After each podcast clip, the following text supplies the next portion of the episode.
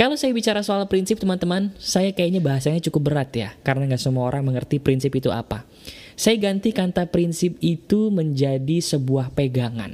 Nah, kalau kata pegangan kamu lebih nyantol ya di otak ya, dibandingkan kata prinsip tadi. Banyak sahabat pagar kehidupan yang bertanya kepada saya di bagian komentar YouTube teman-teman. Mereka menanyakan mengenai sebuah pertanyaan yang berhubungan tentang karir mereka, bahkan tujuan hidup mereka di dalam bekerja. Nah sekarang saya tanya sama kamu, apa pun pekerjaan yang kamu hadapi saat ini, pernah nggak sih kamu ngerasa jenuh dan putus asa?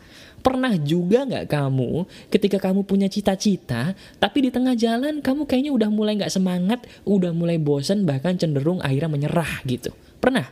Kalau kamu menyerah dan itu sedang menjadi keluhan kamu, ini adalah video yang tepat buat kamu. Tolong dengarkan sampai habis dan pastinya tolong praktekkan ya. Ini sebenarnya juga terinspirasi teman-teman oleh diri saya sendiri. Jadi begini, saya juga sama seperti kamu. Saya juga manusia biasa sama seperti kamu, bahkan saya juga masih muda, mungkin sama seperti kamu yang masih muda, yang mana kita pasti punya gejolak ya, punya gejolak-gejolak yang membuat hidup kita naik dan turun. Nah teman-teman, kamu pernah gak sih mengalami sebuah keadaan di mana kamu ingin mencapai sebuah tujuan yang bagus dalam sebuah pekerjaan, tapi di tengah jalan ada cobaan-cobaan yang di luar dugaan kamu yang membuat kamu menjadi patah semangat? Pernah gak kamu mengalami hal itu? Kalau kamu pernah, saya pun juga pernah. Dan kabar buruknya, saya sering kali merasakan itu. Loh kok bisa mas bro? Ceritanya gimana? Begini, pagar kehidupan ini sebenarnya adalah sesuatu hal yang saya buat untuk menolong banyak orang. Tapi percaya atau enggak teman-teman, tidak semua orang yang saya tolong itu merasa bahwa dirinya adalah orang yang perlu ditolong. Saya juga sering kali sakit hati Ketika saya sudah capek-capek membuat sebuah komunitas, ada saja orang-orang yang ingin meninggalkan komunitas hanya karena alasan-alasan yang mohon maaf konyol. Di situ saya sangat merasa kecewa karena apa yang sudah saya capek-capek buat untuk menolong mereka dengan begitu mudahnya bisa mereka ludahi dalam tanda kutip hanya karena alasan ego mereka semata. Nah sekarang, kamu, iya benar, kamu yang sedang mendengarkan suara saya, kamu juga lagi kecewa ya sepertinya. Kamu kecewa dalam pekerjaan kamu karena kamu mungkin sampai detik ini kurang bisa dihargai atasan kamu.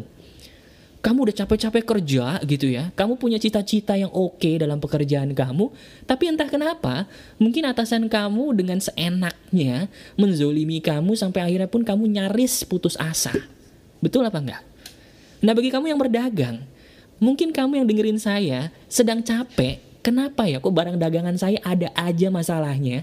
Sampai detik ini pun gue masih berusaha mas bro, tapi kayaknya gue udah mau nyerah deh. Karena halangannya tuh datang bertubi-tubi sampai gue nyaris berhenti, nyaris putus asa.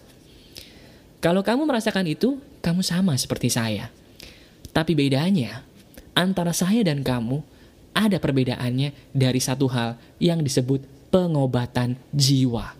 Lah kok bisa disebut pengobatan jiwa maksudnya gimana mas bro? Jadi gini, kalau kamu merasa putus asa teman-teman, putus asa itu sebenarnya adalah penyakit jiwa loh. Bener, putus asa kamu nih sebenarnya adalah penyakit jiwa. Tidak semua penyakit jiwa itu harus seperti orang yang gak pakai baju di jalan. Enggak. Orang yang suka gak pakai baju di jalan itu udah terlalu parah.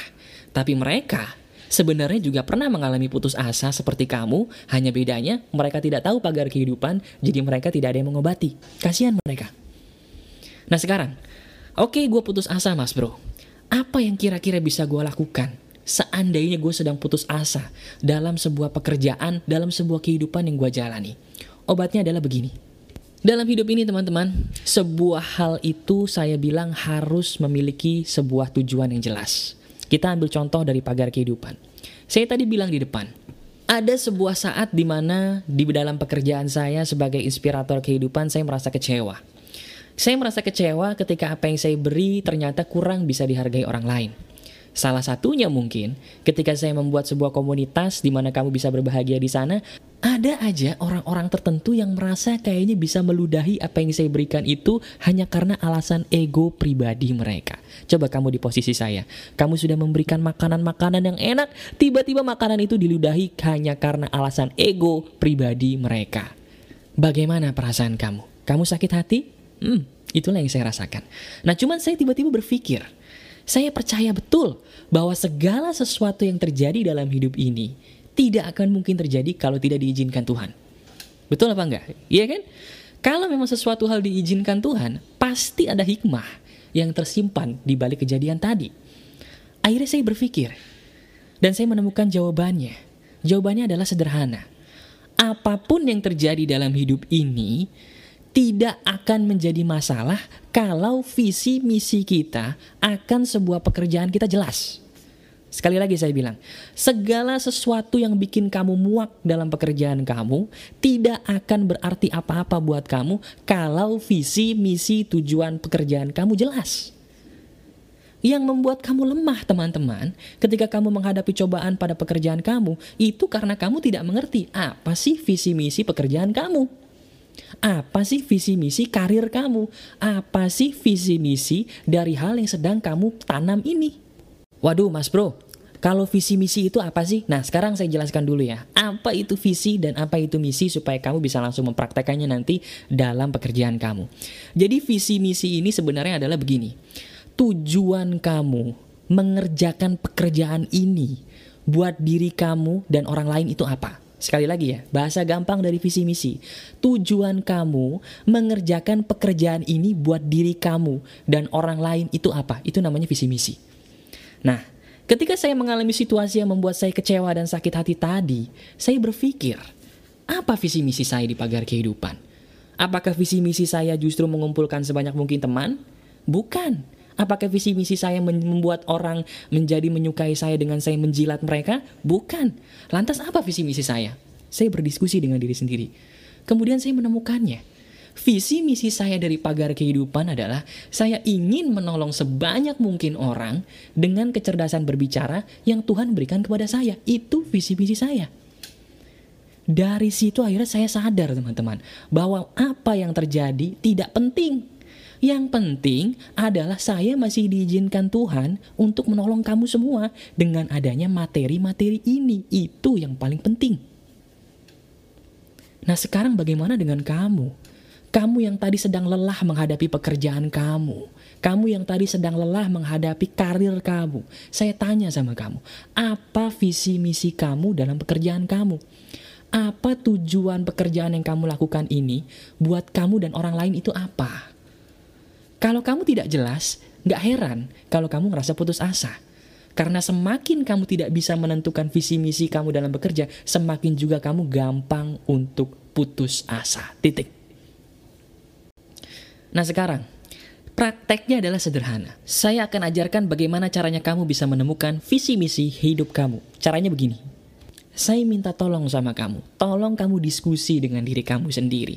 Tanyakan baik-baik apakah pekerjaan yang kamu kerjakan ini benar-benar pekerjaan yang berasal dari hati kamu?